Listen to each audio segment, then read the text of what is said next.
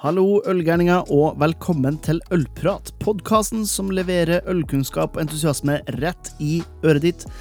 Mitt navn er som alltid Jørn Idar, og i dagens episode så skal vi ta og oppsummere ølåret 2021 litt. Det her lange, rare, litt grann kjipe året vi har vært igjennom og snakka om kjip, som jeg advarer allerede om ganske så crappy lydkvalitet på meg under det her opptaket. Det har jeg prøvd å gjort noe med, og det får jeg rett og slett ikke til eh, fordi det var for dårlig utgangspunkt, så nå er dere advart. Innholdet er bra, men lyden kan være litt så som så, for å si det mildt.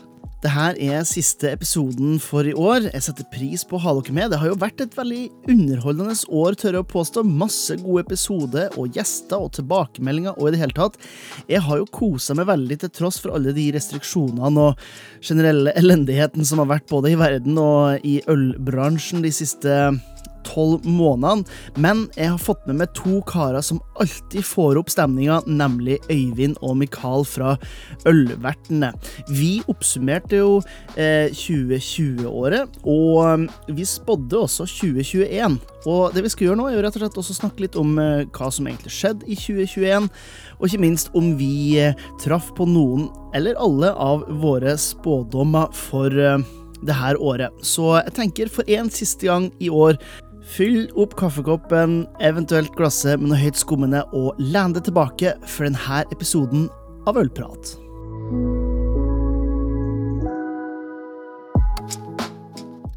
Da er vi samla her, den bitte lille podkasteliten når det kommer til øl. For at jeg har vært så heldig å få med meg ølvertene. Rygerhøvdingen Øyvind Tveit og meierisjef på Melkebaren Mikael Tengesdal. God, god ettermiddag Nei, ja, god dag, gutta. God dag. God dag, god dag. Det er den fineste tittelen jeg noen gang har fått. Jeg likte den. Den. Meieribestyrer skal jeg jo nå ha som tittel. Hvor er den hvite flasken min, Mikael? Den skal jeg kjøpe neste uke. Den som du. ja. Er, det, er det sånn med, med knyting på baksida, sånn tvangstrøye, eller? Av og til så hadde jeg sikkert trengt det.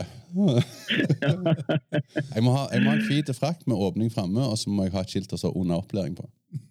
ja, stemmer. Det er altså julegaveidé for, for den som måtte høre på. ja, men Det er jo ikke noe tvil om at uh, nå er vi jo, vi er jo i, i jule, julemodus. Uh, 2021 uh, holder vi på å si, si, takk for. og Grunnen til at vi treffes akkurat i dag, er jo fordi at vi tenkte vi skulle snakke litt om, eh, om ølåret 2021. Og, og, jeg vet ikke, Øyvind, hvordan har, har 2021 vært for din del? Det har vært eh, det mest hektiske året ever for min del. Det er det. Mm. Mye nye øl og Mye nye øl og installasjon av bokselinjer og nasjonal distribusjon for Ryger. Så det har vært travelt, men veldig gøy. Mm. En, en for det, Mikano, akkurat når vi tar opp det her, så har jo eh, dessverre Norge stengt litt ned igjen pga. Av smitte igjen. Da, men bort ifra i dag og utover, hvordan har 2021 vært? Jeg tenkte jeg skulle være barnslig og skrike at det måtte alle brenne. Men nei, 20, eh, 2021 har vært et, eh, et, tøft år for bransjen. Eh, veldig tøft år for bransjen. Som du sier, så fikk vi nye restriksjoner i går når vi tar opp denne podkasten. Vi er en bransje som er flinke til å omstille seg, men en veldig bransje som i grunnen for at grine, så ser vi løsninger. Der syns jeg vi har vært kjempeflinke. Så jeg føler med alle i bransjen, spesielt restauranter, som får vanvittig matbestillinger i julebordsesongen, så er liksom høytida vår. Eh, jeg takker staten for kompensasjonsordninger så langt, og jeg håper de stiller opp i neste sving òg. Men eh, det har vært krevende, et tøft og et spennende år. Men jeg tror vi som kommer oss gjennom dette, her, og det håper jeg alle gjør, kommer styrka ut av det på andre sida. Ja, det, det, har vært litt av et, eh, litt av et år. Jeg må innrømme, sånn, eh, For min del så har jeg vel gjort uh, eh, ca. like mye som vanlig. Med andre ord altfor mye. så, men på, på, imponerende vis greier jeg å holde meg gift ennå. Jeg vet ikke hvor lenge det holder, men vi får bare, vi får bare se hvor det, hvor det durer an. Du, du, du, ser, du, ser jo på en som har røyk i bransjen, så ta, du trenger ikke ta den videre. trenger ikke ta inspirasjon. Nei, ikke i det hele tatt. Nei, og det vi, det vi, tenkte vi skulle gjøre litt, eh, litt nå, det var jo også å se litt tilbake på, på 2021. og så mer spesifikt av de spådommene vi kom med i starten av året. Det er alltid litt morsomt å, å sette oss sjøl på ned på jorda igjen, da. Her vi sitter på våre, på våre høye pidestall. da. Og se om, eh, om vi traff eller ikke med, med spådommene, eh, spådommene våre. Og den aller første spådommen vi kom med, var jo eh, at det skulle komme mer 4,7% øl i 2021 i forhold til 2022. Og eh, det må jeg innrømme at det har jo vært både og, sånn som jeg har observert. Både eh, er jo det at det faktisk har kommet veldig mye nye 4,7-produkter. Eh, jeg syns bryggeriene er ganske kjedelige, for du har meg unnskyldt, eh, Eivind. Men jeg syns det er ganske jeg synes det er ganske monotont, det som leveres av, eh, av 4-7-øl. For det er ofte mye av det samme. Og det kan jeg jo si ut ifra det, det faktum at uh, jeg jobber jo til daglig med en, med en, uh, en portefølje utelukkende bestående av 4,7-øl i lokalbrygg. Og der er langt over halvparten av ølene vi har, er jo en eller annen form for humleøl. Og det, det selger jo, men det er klart at det er jo ikke variasjon det er snakk om i, i så måte. Jeg ser de store kjedene, de virker jo som at de, de rett og slett trapper litt ned. Eh, kom et par nye øl i, eh, i det første vinduet, litt i det andre, men eh, på bekostning av andre øl som allerede var i, eh, i hyllene. Jeg vet ikke hva er deres inntrykk av eh, 4-7 i, i år? For min del så er jeg aldri produsert så mye 4,7 selskap. Men det har vel litt å si med at vi har økt distribusjonen vår. Jeg kan være litt enig med deg, og jeg tror 4,7% er blir sett på av bryggeriene som der du har et produkt med lav fortjeneste, ser jeg for meg, for at du, du går inn mot butikk. Butikkene krever en pris. Uh, butikk 4,7 er mer et volumsprodukt enn det er one-offs. Og, og det er vanskelig å skal jeg si, det, det er vanskelig å komme inn med nye produkter i dagligvaren. Ja. Det kan Ja, liksom det ta, ta et år for å planlegge for at et øl skal komme. Mm. Og, og jeg tror det er mye derfor at vi kan se litt, litt kjipere versjoner av 4-7 enn du ser en marshmallow kakao start på 12% liksom. Men du tror ikke også litt, litt har òg med å gjøre at uh, bryggeriene har lyst til å overleve, de òg. De har gått mye vekk fra Horeka-bransjen og brygger mer for dagligvarebutikkene for å få omsetning og faktisk komme og betale regninger, sånn som mange andre gjør. Absolutt. Så Eh, Det er det helt 100% sikkert. Ja, for det drikkes jo mer, øl eh, totalt sett. Uh, ifølge Bryggeriforeningen så er f- 4,5% salgsøkning på, på øl totalt. Eh, sterkøl har gått ned nesten 11 um, mens, eh, mens eh, klasse D da, den har gått opp med 4,6% så det selges jo mer. Eh, jeg har jo en mistanke om at det selges mer av det, det samme. Ja, da. Det er derfor at du produserer så mye, Øyvind. Det er jo det at folk vil jo tydeligvis ha det, men jeg synes potensialet da, er, jo, er jo der for å kunne eksperimentere litt mer. og jeg håper jo at man kan få ordentlig betalt for, eh, for det etter hvert også. At man ikke bare sammenligner en, eh, ja, som du sier, en, la oss si en, en 4,7 milkstout med kakao og eh, en eller annen eksotisk frukt oppi. At man kan ta seg ordentlig betalt for det. At den blir automatisk sammenligna med ja, en mangoipa, f.eks. For, eksempel. for da, da er det jo game over. Det håper Så- jeg òg. Ja. Jeg, jeg kan ta utfordringen. Ja, Men- men, men det er notert. Jeg kan jo si det at eh, sånn så i år så tok vi inn f.eks. Frydenlund, Juice Jeeper på tapp. Eh, jeg hadde jo ikke helt troen på at han skulle selge så godt som han gjorde. Og jeg må innrømme at den har solgt kjempebra. Jeg syns han funker kjempebra sjøl, så jeg skal ikke kritisere øl, men, men jeg ble litt overraska. Og, og det viser jo at veldig mange der ute kjøper de 4,7% på, på dagligvarene. noen vil også ha de når de kommer ut i utebransjen. Men jeg kjenner jo òg at eh, bryggeriene er litt mindre spenstige. De mailene vi får hver uke, der er mindre av det Uber-kula, for de skal overleve, og de er jo like redde for nedstenginger som vi er. Og I dag så fikk jeg en oppfylling fra et eh, bryggeri i Norge og så sa at du har de fire fatene som står og venter på deg. Skal du ha de, eller vil du avvente? Og Da sier jeg nei, vi gønner på. Det, det skal jo bli normalt igjen. altså, Men jeg føler òg at bryggeriene må betale de regningene. At 4,7 traff nok òg mye pga. koronatid. Ikke pga. at det har blitt den trenden, men mer pga. korona og regningene, tenker jeg. Du, du har ikke noe tall, du, Mikael, på, på hva mye 4-7 du selger kontra 7 Nei, for det, for det da, Jeg gikk litt gjennom, salgstallene så langt i, i år. Eh, det som overraska meg, var at vi solgte vanvittig mye Guinness. Det, det er noe du vet når du bestiller, men du glemmer litt av helt til du går og ser i, i salgene. Eh, men det mest solgte øl hos oss var Erdinger Hefe og Erdinger Dunkel på flaske. Eh, Leffe Blond, Perla forsvinner til Larvik, og så Urkel og så Old Speckelhen. Så det er mye av de gamle går igjen, men det er jo pga. at vi har de 365 dager, eller iallfall når vi får lov å være åpne, har vi de. Og mange av de andre er jo som one-off. Så vi kjøper jo Jeg så at vi hadde solgt forresten rundt 270 forskjellige øltyper på flaske. Og Mange av de er jo en kasse her og en kasse der, og så er det ferdig med de.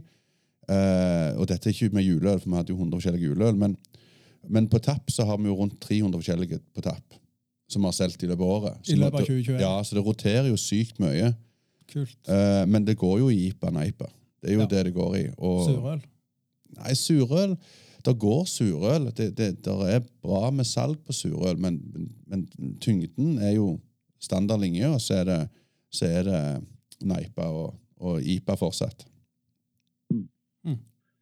Folk vil ha humla, sier rett og slett. Ja, de vil det. Det har vel jeg sagt så mye om. Jeg ikke engang vurderer å dømme det lenger. Men da er vi enige om at det er litt mer 4,7, men eh, litt lite, litt lite variasjon, kanskje.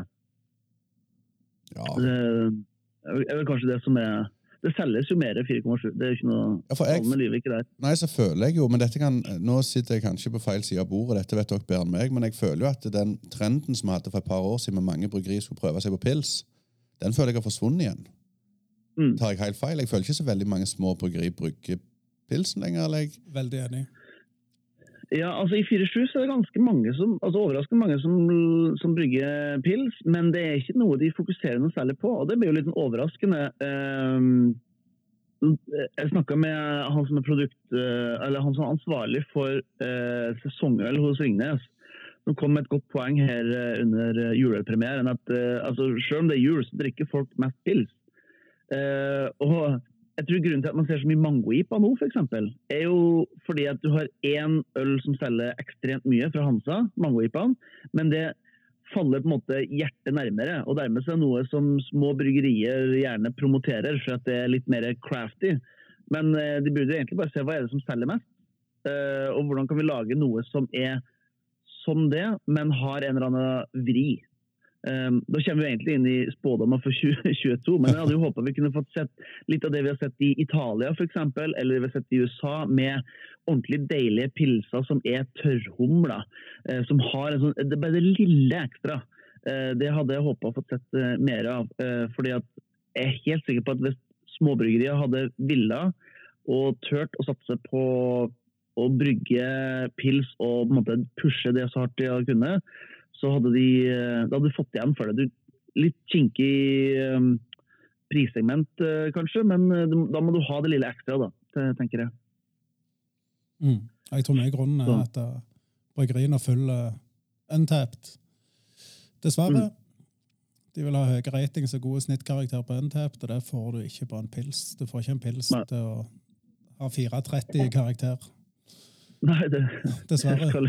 Selv om det burde vært sånn. Vet dere, Ja. vet dere hvor mye av salget i år er pils? Jeg, nå, vet jeg, nå, nå var jeg bare nysgjerrig om dere har litt oversikt på akkurat det.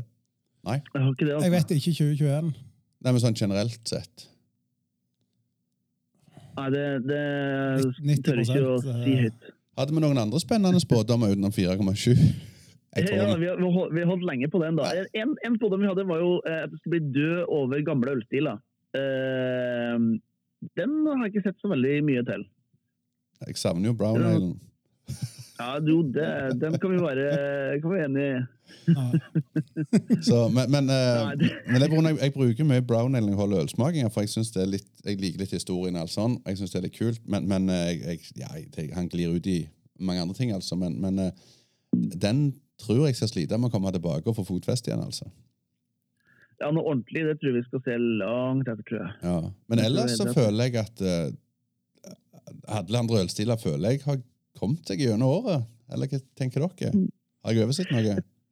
Jeg tenker jo, altså, uh, Du skal lete skikkelig skikkelig lenge for å finne en gåse eller en berlinerveis som ikke har en eller annen tropisk frukt slengt etter seg. Så Sånn sett så har på en måte den, der føler den stilen har egentlig dødd litt. for at eh, et, Etter å påstå av de som hører på det her, så de færreste har antagelig smakt en ordentlig gåse eller berlinerveis som ikke har hatt en eller annen pasjonsfrukt eller mango eller papaya eller ja, slengt etter seg. Så, så det er kanskje en sånn stil som jeg tenker er litt, uh, litt død sånn sett. Ja, og Der må jeg slenge meg litt på Nils surøl òg. Unnskyld, Øyvind. Uh, jeg, jeg savner litt gode, gamle, rene surøl.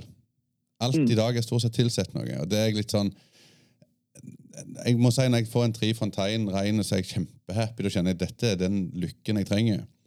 Men, men eh, jeg ser jo på salget, så ser jeg jo at det ikke er den surølen som selger mest. Men, men eh, jeg, jeg, eh, der er, ja, det er mye tilsetninger. Mm. Det er det ikke tvil om. Ja. ja, Da går vi jo egentlig videre til en annen spådom som vi hadde. Det her med at eh, 2021 skulle gi oss mer gimmick-øl. Eh, eksemplene der var jo sånn som eh, eh, slushy sours, eh, rustikk lager og i det hele tatt. Og, og der har jeg ikke sett så mye som jeg frykta. Mangopilsner. Mango. finnes. Eh, Er det noen som har brygga det i Norge? Nei, jeg nei. Seriøst? Ja, jeg har en i kjøleskapet hjemme. Oh, ja. Jeg husker ikke hvem det er fra. 044. Oh, ja, det er ikke noe du har brukt? Nei, nei. Nei? Det er mangolager. Mangolag. Mangolager, ja. Mhm. Altså Litt, men ikke så mye som eh, altså Jeg ser jo fortsatt eh, det dukker opp på Instagram-feeden min her eh, glitter beer. Altså der du har sånn her eh, mat eh, Eller sånn her spiselig glitter i ølen. Eh, og, i tatt. Og, og den typen ting føler ikke vi har sett så mye. Det er jo en del som bruker ekstreme mengder med laktose. da. Eh, men eh, det er fortsatt ikke helt i det slushy-verden som eh, man ser i, i statene enda. Hvem var det sitt tips, forresten? Eller, det er, du bare sier alt, hiver alt på oss, gjør du ikke? Ja, det, det var, det, nei, den tror jeg faktisk var min. Ja, vi diskuterte det, husker jeg, og det var, det var jo litt på grunn av koronaen. og at det, Ja. det kommer mer one-offs. Vi diskuterte små batcher. Men, men da, når, du, Mm. når du snakker om sånn, det kommer sånn fancy-pansy øl, så det den, For det, det ble jo liksom oppmerksomhetsskapende. Det ble jo det, at du lager noe og skaper oppmerksomhet. Men så kommer spørsmålet, for å komme inn på dagligvaren, så må du vel sende det et stykke i forkant, må du ikke det? Altså, nå tenker jeg kun for å få den oppmerksomheten i hyllene. Det er jo ikke bare bare å si 'hei, se hva jeg har lagt denne uka'. Nei, nei, nei. Det, det, som sagt før òg, at du trenger vi, vi- skal lansere et øl nå i uke åtte. Det ølet har jobbet med i ett år og åtte måneder. Ja, så det kan være spådommen da kommer litt lenger ned i veien når det har gått de der 50 ukene, men eh, Så det er ekstremt vanskelig å komme inn på dagligvarebransjen, for du har et stort volum du skal inn med. Og du må planlegges i god tid, du må få inn råvarer, alt skal tilrettelegges, få inn bokser, alt. Eh, Ja, for, for det er derfor jeg lurer litt på at det er ikke så lett å lage sånn dødskule Eller ikke kall det kule, kall det one-off, kall det hva du vil, for du kommer ikke inn på dagligvaren 4,7, og Horeka-bransjen er jo fortsatt tøff å komme seg inn til. mm. Så derfor kan det være de tingene ligger litt brakk, for det betaler ikke regninger. Jeg bare tenker høyt. Jeg bør aldri tenke høyt, men eh, det er det jeg gjør. Så Eh, en annen spådom vi har, var at eh, kom til bryggeriene kom til å fokusere mindre på Horeca og mer på Vinmonopolet. Eh, nå er jo Bryggeriforeningen de slår sammen uteliv og, og Vinmonopolet i én i målingene sine, men der har jo salget siste, eller i år gått ned 11 uh, mens salget av uh, sterkøl i år har gått ned med 10,7% Og det, i mine, i mine øyne så så uh, den spådommen tror jeg vi kan, kan si vi bomma litt på. Ja, men jeg, jeg, jeg litt Nja. Jeg savner fokuset fra bryggeriene. Før var bryggeriene mye mer på og ville ha eventer og ville gjøre ting inn mot vår bransje. og Der føler jeg bryggeriene er veldig av. Det er, Mm. det er, og det er lanseringen jeg har faktisk sagt til bryggeriet at jeg er veldig skuffa at vi ikke får dem. Jeg er med i flere ølbarer som burde vært i fall litt i søkelyset, men ble oversett, for alt skal på polet. Så jeg føler at bryggeriene ser mer til polet og glemmer litt. Jeg, kan, jeg kunne nevnt flere bryggeri så jeg ikke har hørt mest en ting ifra i år, men som har vært veldig på tidligere. Mm. Og det syns jeg er litt overraskende. Så egentlig så mindre Vinmonopolet og mindre Horeca. Ja. Gjør bare mindre. Bryggeri-Norge har bare lagt, eh, gått i dvale i år. Nei Neida, vi- ligger jo under alle sånne samme tøffe restriksjoner og alt som holder på med. Altså. Men jeg, jeg savner litt Det er et par bryggerier som er veldig på ballen, men jeg føler flerparten har falt veldig. Nå er det kun mailer en gang i uka du kjøper øl. Ikke den der Kan vi ha et venture der? kan vi ha en lansering osv. Så, videre. Mm. så ja, den, eh, den er jeg faktisk litt enig i. Det, um, det virker ikke som det er så veldig mye eh, nytenkning og sånn. Jeg tror alle prøver å sitte litt sånn stille i båten og ikke eh, gjøre for mye også, virker det som. Det er ikke um, Ja, alle har vært litt sånn usikre i 2021, virker det som. ja. Jeg tror folk blir litt stille og rolige pga. korona nå. Mm. De sitter mye hjemme. Nå fikk jeg grevla lyst til å starte Ja. en bar som har 20 taplinger. Jeg bestemmer alt. Jeg driter Det er Ikke en leverandør som skal få skrive en kontrakt med meg. Nå snakker jeg om de store, jeg snakker ikke om de små, for det er alltid mye gøy. Og så kan jeg stå der hele Det er sånn pensjonisttilværelsen min. å bare stå der hver dag og snakke piss. Så stenger jeg klokka åtte på kvelden, for det passer veldig godt inn i koronarestriksjoner. Og så bare nyte av livet. Og, så, og så kaller du baren for båten. Og så Hver gang noen skal lage noe trøbbel, så bare peker de unna. Nå sitter du stille i båten! Da, Men de kommer og skal bestille øl av deg, så da noterer jeg spå, eller spådommer fra 2030. Nei. de kommer og skal bestille øl fra deg, så er det De får ikke lov til å bestemme hva øl de skal drikke. Du tar bare Ja, det er litt gøy, det. Ja. Jeg syns jo det der været et sånn rødhold er litt gøy. Ei øl, heter det bare. Ja, Mm. så Nei, nå spurte jeg iallfall veldig tap. Beklager det. Ja, nei, det går, det går helt fint. Jeg likte ideen. Uh, en, uh, en ting som vi også spådde, var at det skulle bli flere Horeka-konkurser. Uh, og det har vært konkurser, men det har vært overraskende få i forhold til eh, eh, tidligere år, og hvor jævlig det har vært, i, i 2020 og 2021. Det har jo vært selvfølgelig jævla tøft, men jeg tror det ligger litt i det som du snakker om, eh, Mikael, at utelivsbransjen er, er vant til å eh, kjempe jævla hardt. da. Ja, jeg, eh, jeg er glad at vi bomma på den spådommen. Jeg gruer litt for den spådommen i framtida nå, når vi får nok en runde. Eh, Staten må på føttene og gi oss eh, lån igjen, selv om det, vi kan ikke belåne hver fot og en arm. Det verste oppi alt dette er at vi har mista vanvittig med kompetanse. Mange ansatte som jeg både har utdanna som eh, ølsommelier osv., de har forsvunnet. Og den, den, den opplevelsefaktoren gjestene skal få, den, den er jeg skremt over. Så, men jeg er kjempeglad, og jeg er imponert av å både snakke med aktører i bransjen og lese med aktører i bransjen som har kommet seg gjennom. Og vi ser jo store aktører i Oslo som har over 1000 ansatte. Ja, Mm. Kjempetøft. Jeg ser på Arko-gjengen. er At, de- at de kommer seg gjennom stormen og alt det der. Det er hatten av. Og håper Ja. vi klarer det resten av pandemitida. Ja, og åpne nye steder. og uh, Midt oppi det her uh, Det er ikke så mange som uh, man sikkert så i 2019, men Rekk opp hånda alle som rakettforskere må åpne nye plasser i pandemien. Jeg vet ikke hvor smart det er, men og for de som bare hører på og ikke kan se oss, så var det altså Mikael da, som var hånda der. Nei, men- ja, Nei, men jeg, jeg, jeg, jeg, jeg, må si det at jeg er utrolig imponert av alle kollegaene der ute som har klart å ri av stormen. Det er hatten av. Mm. Men bryggeriene Eh. òg har jo jeg spådd tidligere konkurser på. Og der har jeg òg heldigvis bomma en del. Ja, men da kommer vi inn til en annen spådom som jeg er sikker på er grunnen til at det har gått så bra med dem. Og Det var nemlig en spådom at det skulle være mer brutt IPA Korrekt. i eh, 2021. Det har redda Ryga brygghus fra konkurs.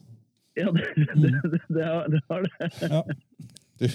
Så, og, og det er jo en, altså, litt avhengig av hvordan man skal lese tall og sånt. Altså for de som, eh, for de som eh, har nok fritid at de vil gå inn i diskusjoner om eh, politikk eller religion eller vaksiner, eller den type ting, så det, vet man, at, helt avhengig av hvordan man ser på tallene, så kan, jo, kan man jo få fram den meningen man vil uansett. Og, og jeg må jo innrømme at det er jo langt mer brutt IPA i 2021 enn i 2020. Det er jo faktisk 100% økning i antall nye bruttipa som har kommet på markedet i 2021.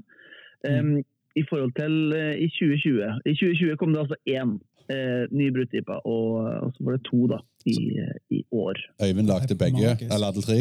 Altså, han, var, han var på ferietur og fikk brygge hos andre. Stemmer så det. skal vite det. Men, men ja, du, du gir aldri opp den, du. Du, du har en sånn en, eh, litt sånn blaut drøm om å få lykkes på den brutipaen din. Jeg, er- jeg holder ennå på det at uh, brudtype er den nye pilsen. Ti år til. I- Når du skal stå i den nye baren din i 2030, 2040, 2040, da. da har du 20 tappelinjer. Lover du, at- 19 forskjellige brudtyper. Lover du at du pils. du lanserer Adelaide til du ser på den uh, lanseringen på Adle. Helt i orden. Fantastisk. Og Jørn Ida kommer over som, som foredragsholder om brudtype. Ja, ja. I, i Og litt sånn 2060 så vet, 2060 så vet ikke folk hva pils er for noe. Nei, for da er vi daue. Så, men men eh, nå ble det veldig høyt nivå her. Ja, det ble det. Men, men en ting som jo har faktisk vært eh, eh, en bedre salg på og, og mer oppmerksomhet på, er jo hard seltzer. Og det vet jo du litt om, eh, Øyvind. Dere brygger jo et par eh, hos dere. Ja. Men det har jo ikke vært den, den suksessen man kanskje hadde håpa. Absolutt ikke. Eh, ikke i det hele. Jeg føler dagligvaren begynner å gi opp hard seltzers. Jeg Mm. så nettopp og leste på et amerikansk eh, nettsted, sånn ølsted. Og de har fortsatt troen på at 2022 så vokser seltseren hardere og mer Jeg skulle si hardt seltser vokser mer, skulle jeg si, bomma litt på ordet. Men eh, de har fortsatt troen på det, og de har fortsatt troen på at vi snakker en fem milliarder dollar-industri. Og da tenker jeg på, har de norske bryggeriene vært for tidlig ute med det, eller kommer det aldri? Jeg tror personlig at jeg, er Veldig vanskelig til å si, men jeg, å innarbeide et nytt produkt tar lang tid. Det er ikke gjort over natta. Og jeg vet ikke om hard altså, kommer for å bli i Norge. Jeg, per nå tror ikke det. Vi mangler jo på en måte den ene svære. I USA så snakker alle vet jo hva White Claw er, f.eks. Mm. Eh, Og det gjør jo at eh, alt av de svære industribryggeriene har laget sin egen kopier som alle er, har hvit boks og eh, svart logo, men er Bud Seltzer eller måtte være for noe. Men det har vi ikke i Norge. Det er ikke noe samme satsingen fra det store. Og hvis de store er med å dra på en måte menigmann, så er man like langt, tror jeg. Jeg har spurt en del barer rundt forbi om, om de selger mye av det. Men jeg føler de òg har liksom gitt opp på en måte. Ja, jeg, jeg, det er tøft. Jeg, eh, det er ikke et produkt for meg personlig, og da er det veldig lett, vanskelig for meg å forsvare det med å ta det inn og prøve å selge det når du kjenner. Det er jo det som alt, hvis du ikke brenner 100% for det sjøl. Mm. Men, men jeg, jeg er spent på å se om at For jeg vet ikke hvor mange norske bryggerier som gjør det. Jeg vet om Ægir, og så er det Ryker. Er, er det mange andre norske som gjør dette her? Det er, det er noen, men det er ikke mange, altså. Nei. Det er det ikke. Så er det en litt sånn Det er hvordan du produserer det. Det er noen som gjør det, er noen som speiker, så det heter, så tilsatt vodka i farrisen og syntetisk aroma. Vi velger å gå den veien og kjøre kraft med å bruke ekte mangopuré og gjøre sukkervann. Jeg, jeg tror ikke det kommer til å vokse ut av himmelen. Det gjør ikke det. Så til alle dere der ute så tror vi er et ekspertpanel. Dere hører vi bommer jo på alt. Korrekt. Ja, nå, nå, har vi, dog, nå har vi tre eh, punkter til som vi kan treffe på. og Den ene kan avsløre at den traff vi, traff vi ikke på. Eh, spådommen med at det skal være mer lavkaloriøl. Eh, og det, det har ikke skjedd. Det har ikke vært en, og det er litt overraskende egentlig når man ser på hvor helsebevisst vi er i Norge. Eh, At man ikke har snakka mer om eh, den typen øl, da, eller at man har, har gjort noe den veien. Og det ja, jeg er litt- jeg litt sånn personlig overraska over det. Det Ja, at det ikke er mer lavkalori. Ja, eller at det er mer snakk om det. Altså det, eh, det kom jo med et par eksempel eh, på, på den at man var under 100 kalorier per, per enhet. Eh, lavt eh, innhold av eh, karbohydrat. Altså det, det er noe som har en større og større ting i USA. Og med tanke på hvor fiksert vi er på helse, hvor mye vi bruker på idrettsutstyr og idrettsklær og medlemskap i treningssenter vi aldri er på osv., så, videre, og så, videre, så det er det litt overraskende. Jeg føler jeg fikk mange stikk der. Men, men, men, men, men hvis, du tar den, hvis du igjen Den ble veldig markedsført på at det er 96 kalorier for dere damer, for dere damer, for dere damer. Betyr det at vi mannfolk ikke vil snakke om kalorier? At vi kan ikke gå i en bar og si du, jeg vil gjerne ha en, eh, en IPA som har lite kalorier, for vi skal liksom ikke snakke høyt om det? Jeg bare nå tenker høyt igjen. Jeg tenker litt at det er koronatida. Folk gjør litt faen, for å være helt ærlig. For det, du sitter hjemme, du eter. Og jeg tror ikke folk har det ekstreme fokuset på helse. og... Men jeg, jeg motsetter deg. Men nå leser jeg vel feil blad òg. Jeg leser vel en sånn treningsblad, men at folk har vel aldri trent mer enn de gjør under korona. Mer folk ute og springer, mer folk ute og sykler. Det kan godt være. så, så, en, hva tror du sjøl, Jørn, i dag? Hva tenker du? Jeg tror, ikke det, jeg tror ikke det at man ikke eh, vel snakker om det. Jeg tror det bare det at hard seltzer er en helt ny kategori. Eh, og den er veldig likt uh, drinkkategorien. egentlig. Når man, altså, det er ikke det samme, men det havner i samme kategorien. Og bare for å putte alle menn under samme bås, så vil du gjerne ha en øl. Altså, De fleste Ja. vil ha en øl. Ja, men jeg, Så jeg da, så mener da tror jeg ikke det at en lavkalori ville vært noe, eh, noe problem. Se på eh, Cola Zero, eksempel, som jo markedsfører direkte mot menn. Altså, det er jo det er ingen som syns det er noe rart eller snakker om at det er noe rart at man skal være opptatt av det på den måten. Nei, men Da blir det en sånn ting som blir markedsført ut fra cola, og da snakker ikke menn om det, men de velger den og sier den er best. Ikke, jeg, veldig få folk sier at jeg har den pga. lite kalori. Mm. Og, og det er derfor jeg tenker også sånn at Når, Når, når sa nå snakker kun om markedsføringa, så var det markedsføring på hvor lite kalori det er. Dette må dere ha, for det er lite kalori. Og da husker jeg det var snakk om dette kom damen synes er bra. Og da tenker jeg på, Hvis du hadde fått ei, ei jipa og sagt at den på boksen så står det 96 kalorier på, så ville jeg hørt han mannen som sier jeg velger den pga. lite kalori. Det var den jeg mente mer. at uh... Ja, jo, sånn tenkte jeg. Ja, nei, det, det kan jo være Jo, det kan være tilbøyelig å, å være enig i. Ja. til nøds. Det kan det. Mm. Til. Så, men er det, er det noe annet enn pils eller sånn type lite Tuborg Light og så alt? Er det, eller lite, er det noen, er det noen fullblodige øl som har, som har fokus på det? Jeg kommer ikke på noen. Altså, ikke Norge, da. Nei.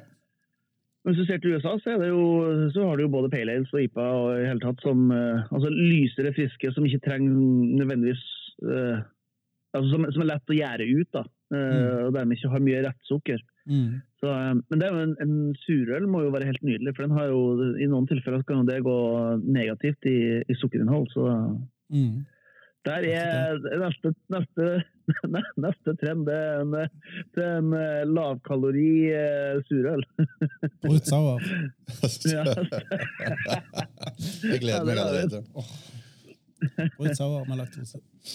Ja. Nei, Da bomma vi igjen. Kjempebra. Ja, jeg gjorde det. Eh, jeg har spart to vi traff på til slutt, da. Det er jeg ganske sikker på. eh, Mer nettsalg eh, var en spådom også. Og der, eh, det skal jo kanskje ikke så veldig mye til, for nettsalg er jo forholdsvis nytt. Og de fleste som starter nettsalg, de starter med det i 2020. Eh, Men det er en generell eh, økning. Vi ser både fra de, de store, sånn som Oda f.eks., som har litt større utvalg, men har en, en vekst i kategorien. Har folk som eh, starter nettbutikker som opplever vekst i 2021. Og det eneste man ser er jo at, eh, at bryggeriene sine nettbutikker har kanskje mista litt av den kjempefarten de hadde i, eh, i fjor, når alt, eh, eller nesten alt var, var stengt. Um, men det kan jo også ha noe med at det, det, det kommer som en sånn ekstra ting i tillegg til det at man skal uh, svare avgifter og vaske gulv og uh, ordne tanker og bestille gjær. Så det blir bare én ting til oppå det, uh, oppå det de allerede har gjort. Jeg vet ikke om dere har noen, noen tanker rundt uh, nettsalg, dere? Nei, det har jeg lite erfaring. Du Øyvind, har vel litt mer erfaring, for dere selger vel litt til nettsalg sjøl? Vi selger jo til lokalbrygg. Ja. Eh, veldig lite med det å gjøre. Mm. ikke, men jeg regner med det er mer nettsalg. Men det er jo også på grunn av at eh, du har alternativet der. Nå, Mm. nå hører du til med historien at uh, Jørn Idar er litt etter det, Du er litt uh, involvert. Ja, inn- Masse kunnskap. Ja, men, men, men, men, eh, men eh, jeg ser jo det Lokalbruk er jo det som første som slår i mitt hode ja, om dette. her, som driver med, med alt fra kalendere til månedsabonnement, som jeg syns er helt genialt. Så, så du må jo se det mer på kroppen at dette her faktisk funker. Ja, ja, det- jo, det gjør jo selvfølgelig. Men jeg ser det jo òg på, eh, på ja, sånn som bryggeriutsalget, som har eh, en bra økning. Jeg ser det på eh, de litt større nettbutikkene for bryggeriene også, som, som i hvert fall sier at det går, eh, går bra. Så eh, Nei, eh, det ikke, og som sagt på de, på de store, sånn som Oda f.eks., som, eh, som leverer eh, med matvarer. Eh, der også er det en, er det en økning, eh, rapportert økning i hvert fall. Så um, om det, det kommer aldri til å erstatte um, vanlig butikksalg, Eh, kommer aldri til å nå de høydene, det tror jeg ikke. Men Nei, nei. eh, og det er rett og slett for at Man kan ikke konkurrere på pris. Det er, det er billigere å få tilsendt en palle med øl til én butikk, og så kommer folk og henter det, enn at man selger en sekspakning med posten til et eller annet sted. Eh, Så Volumen kommer ikke til å være det samme, men det er jo for variasjonen sin del. da. Og Der, eh, det som det fortsatt er eh, masse potensial for å nå ut til flere folk. da. Ja, og jeg, og jeg føler jo at eh, Nå bare ser jeg lokalt den kommunen jeg bor i, så mener jeg at Coop-en lokalt kan hive øl i handlekorga når jeg kjører hjem varer til folk. Stemmer ikke det? Eller vet du, vi bor jo i samme region, meg og deg. Ja. Jo, jeg, tror det kan tror, jeg tror de gjør Ja, det. jeg trodde det. Mm. Så det er jo ikke, det, så, eh, og, men jeg tror ikke veldig mange er klar over det. for det er helst, Jeg tror ikke sånn som Coop og Rema og sånn har så veldig lyst til å snakke om de tingene. For igjen, det ser vi jo på nedstenginga, at alkohol er mange ganger forbundet med negative ting. Mm. Så, men men eh, jeg eh, har sjøl sett muligheter for å gå inn på nettbutikk og handle. Jeg synes det er kjempebra. Men, men vi så jo for halvannet år siden at uh, bryggeriene reklamerte med heimkjøring av Mm. produkt. Det, er- det vet jeg ikke hvordan det er gått, for å være helt ærlig. Vi i i- i Ryga gjorde det ikke. Vi Nei, jeg vet jo at bryggerier. Ja, altså det, det var veldig det, si der og da. Og det er litt synd, for at man har en unik måte å, å treffe kundene sine. Mm. Og jeg vet jo bryggerier som har sagt at hadde det ikke vært for det, så hadde de slet det sånn ordentlig, ordentlig. Eh, Så det er ikke noen tvil om at det funka der og da, men så er det jo det at det kommer i tillegg til alt det vanlige som skal, skal skje. da. Og det er litt sånn I krise så har man mer kapasitet og mer tid og mer energi enn man trodde man kunne ha. Eh, Og når krisen er litt avverget og det kommer andre ting, sånn som at Horeka åpner opp f.eks., eller man skal på vinmonopolsmakinger eller messer, eller det måtte være, så er det en prioritering. da, og da um, er det gjerne de, de nye tingene som ikke har gitt umiddelbar kjempesuksess, som blir nedprioritert, da, tenker jeg. Mm. Så, um, Men da traff vi iallfall litt, Ja. føler vi. Da traff vi på den. ja, ja det, det, føler jeg, det føler jeg. Så da har vi i hvert fall, eh, det har i hvert fall noen. Ja. Og oppfordringen Eh. er at uh, hvis jeg forstår deg eh, riktig, Jan Idar, at uh, folk bør kjøpe en palle med øl hjem. Alle. Ja. Alle, alle, bør, alle bør søke salgsbevilgning. Eh, sette av en del av soverommet sitt for utsalg av, av øl, og så bestille en palle med øl. den siste, eh, den er jeg helt sikker på at vi traff. Det var mer lokalt. Mer lokale råvarer, om det måtte være malt eller frukt eller eh, si lokale bakterier. Jeg vet ikke om jeg skal si høyt. Men, eh, men, men mer lokalt. Og der, der føler vi traff. Altså, eh, årets ølhund og denne prisen som Bryggeriforeningen ga ut, gikk jo til to maltprodusenter, henholdsvis Norsk Malt og, Bonsak gårdsmalteri. Frukt i huet og ræv, og der, er vel, der har du brukt både huet og ræv, forstår Øyvind? Korrekt. Ja, det, det skrev jeg også faktisk opp, at jeg føler også at det der med malten har vært mye. Men det blir kanskje litt lokalt for oss, for vi ser det litt nærmere. Men ja, den malten og de to ølhundene som ble kåra i år, at det, maltproduksjonen har fått uh, mye fokus i 2021. Og jeg syns det er kjempebra. Nå snakker jeg norsk, selvfølgelig. Norsk malt og norske råvarer, lokale råvarer. Mm. Jeg vil bare si det med, med norske malt. Den malten vi bruker, er fra Laland, og og heter de. Og dette sier jeg ikke som en selger for Jærenkorn og malt, men kvaliteten på det, det er- helt hinsides. Og det er det for Bonsak òg. Og norsk malt. Det er gulvmalt. Det er tatt vare på korn som er liksom av øvre klasse. Og Mm. det skal vi komme mer inn på, men det er en voksende trend, og jeg forstår så ufattelig godt hvorfor. Men en, et lite spørsmål. der. Jeg, er- jeg er kjempepositiv til det. Jeg hyller det. Jeg syns det er knallbra med norske og ikke minst lokale råvarer. Men vi, vi hadde med oss eh, en brygger, Gar Smith Garsen, her tidligere. Og han sa at faren med å bruke norsk ikke faren, men det, med å bruke norsk malt er altfor dyrt nå. Ja. Mener du òg at det, i form av de tre neste åra så må prisen ned for å kunne bruke det? Langsiktig, tenker jeg på. Håndverksøl bør jo være er lik gode råvarer. Du bør lage et produkt som smaker annerledes. At det ikke er Ringnes pils. Ringnes pils kan du aldri bruke eh, håndverksmalt i hvis prisen ikke går ned. For der er råvarene så ekstremt mye å si på utsalgsprisen. Men på håndverksøl det er fem ganger dyrere med lokal korn kontra å kjøpe fra Belgia eller Tyskland. Så, så, det, så påvirker jo prisen, men det påvirker også kvaliteten på produktet ekstremt, på en ekstremt positiv måte. Ja, og, og jeg, jeg ser den. Jeg har ingen problem med å hylle det. Det er det minste problemet i verden. Men jeg har forstått inn mot dagligvaren så handler jo stort sett alt om pris. Og jeg tror ikke det nytter for et eh, lite bryggeri på Vestlandet å stå og forsvare seg inn mot en store, eller store butikkjede og si at det, ja, men kvaliteten for deg skal prise det ut igjen. Ja, Så derfor, Nå tenker jeg langsiktig. Det er stygt å si det oppi dette, for nå skal vi hylle, men må prisen på norsk malt ned for at den kommer til å være levedyktig de fem neste åra? Men blir ikke det litt det samme som uh, altså Hvis du har lyst på en hamburger, så kan du dra på McDonald's, og så vet du hva du får og hva du betaler for det. Ja.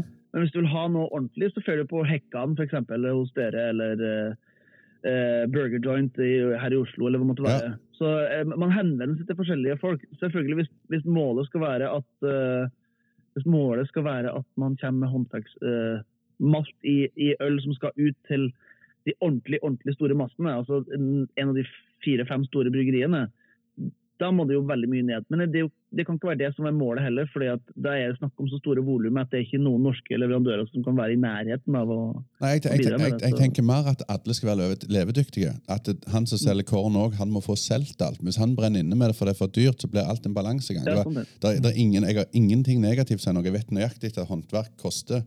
Men jeg bare sier at det, med, med, når vi hyller det sånn, og jeg hører hvor dyrt det er, spesielt når en annen bruker, så han bruker det ikke for det er for dyrt. Og da Ja. bare tenker Jeg, jeg jeg, vil si nei.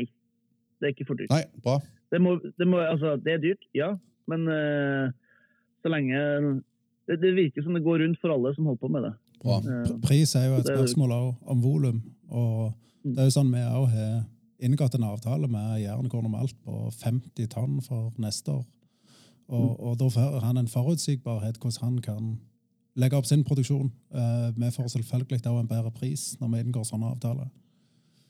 Mm. Jeg forstår meg riktig. Jeg er ikke på jakt etter produsentene, jeg er bare på jakt etter at dette er levedyktig. jeg tror det er levedyktig. Ja, det, ble, det ble to mot én her nå. Ja, det, det liker, jeg liker å være i opposisjon, så det passer meg veldig bra. Ja, ja. Men nå traff vi i hvert fall på 1,5, da. Er vel eh, fasiten etter å ha gått gjennom de ni spådommene vi hadde for, for 20, 2021, da. Det, det er ikke verst. Ja, det er bra. Det, vi- vi skal ta og snakke om våre spådommer for 2022. Jeg tviler jo på at noen orker å høre på det når de hører hvor mye vi bomma på, på Nei, spådommene i år. Men det det er interessante, intellektuelle, eh, halvkvalifiserte eh, spådommer. Så eh, jeg tenker at eh, nå har folk hørt lenge nok på denne podkasten, så jeg tenker vi skal ta en liten pause. og så eh, kommer det en e-post det er e-post til en liten podkast i podkastspilleren deres eh, om et par dager. Eh, og Da kan dere høre den her eh, fantastiske trekløveren eh, her prate litt mer om eh, om eh, 2022. Så eh, Øyvind og, og Mikael, tusen takk for praten så langt. I like måte. I like måte. Ha en fortsatt fin dag. I like måte. Ha det godt. Ha det bra. Takk igjen til Mikael og Øyvind for en hyggelig ølprat. Og om du kom så langt som det her i podkasten til tross for den lyden jeg leverte, gratulerer med dagen til det. Jeg er rett og slett imponert. Eh, jeg må jo bare si igjen tusen takk til alle som støtter podkasten på patrion.com slash ollprat. Eh, sørger for å gi en eh, bonusepisode en gang i måneden. Litt småsnacks innimellom. De får vite de neste episodene som kommer, og får en early listen til podkaster som det her. Så hvis du har lyst til å gjøre en liten tjeneste for meg, gi meg en liten julegave litt tidlig, så er det å gå inn på podkastappen din eller på Apple Podcast, og så rate and review, som det sier på fagspråket. Gå inn, gi det et par stjerner, gjerne fem om du har lyst, eh, og ikke minst en liten eh, kommentar, sånn at eh, andre folk har muligheten til å oppdage podkasten og bli med på øltoget vårt. Så gjenstår det bare for meg å eh, si takk for i år. Håper dere har en riktig fin jul og et godt nyttår. Jeg skal i hvert fall kose meg med masse deilig øl og mat i kombinasjon, og du, eh, kjære lytter, må huske det at også i jula så er livet for kort for å drikke dårlig øl.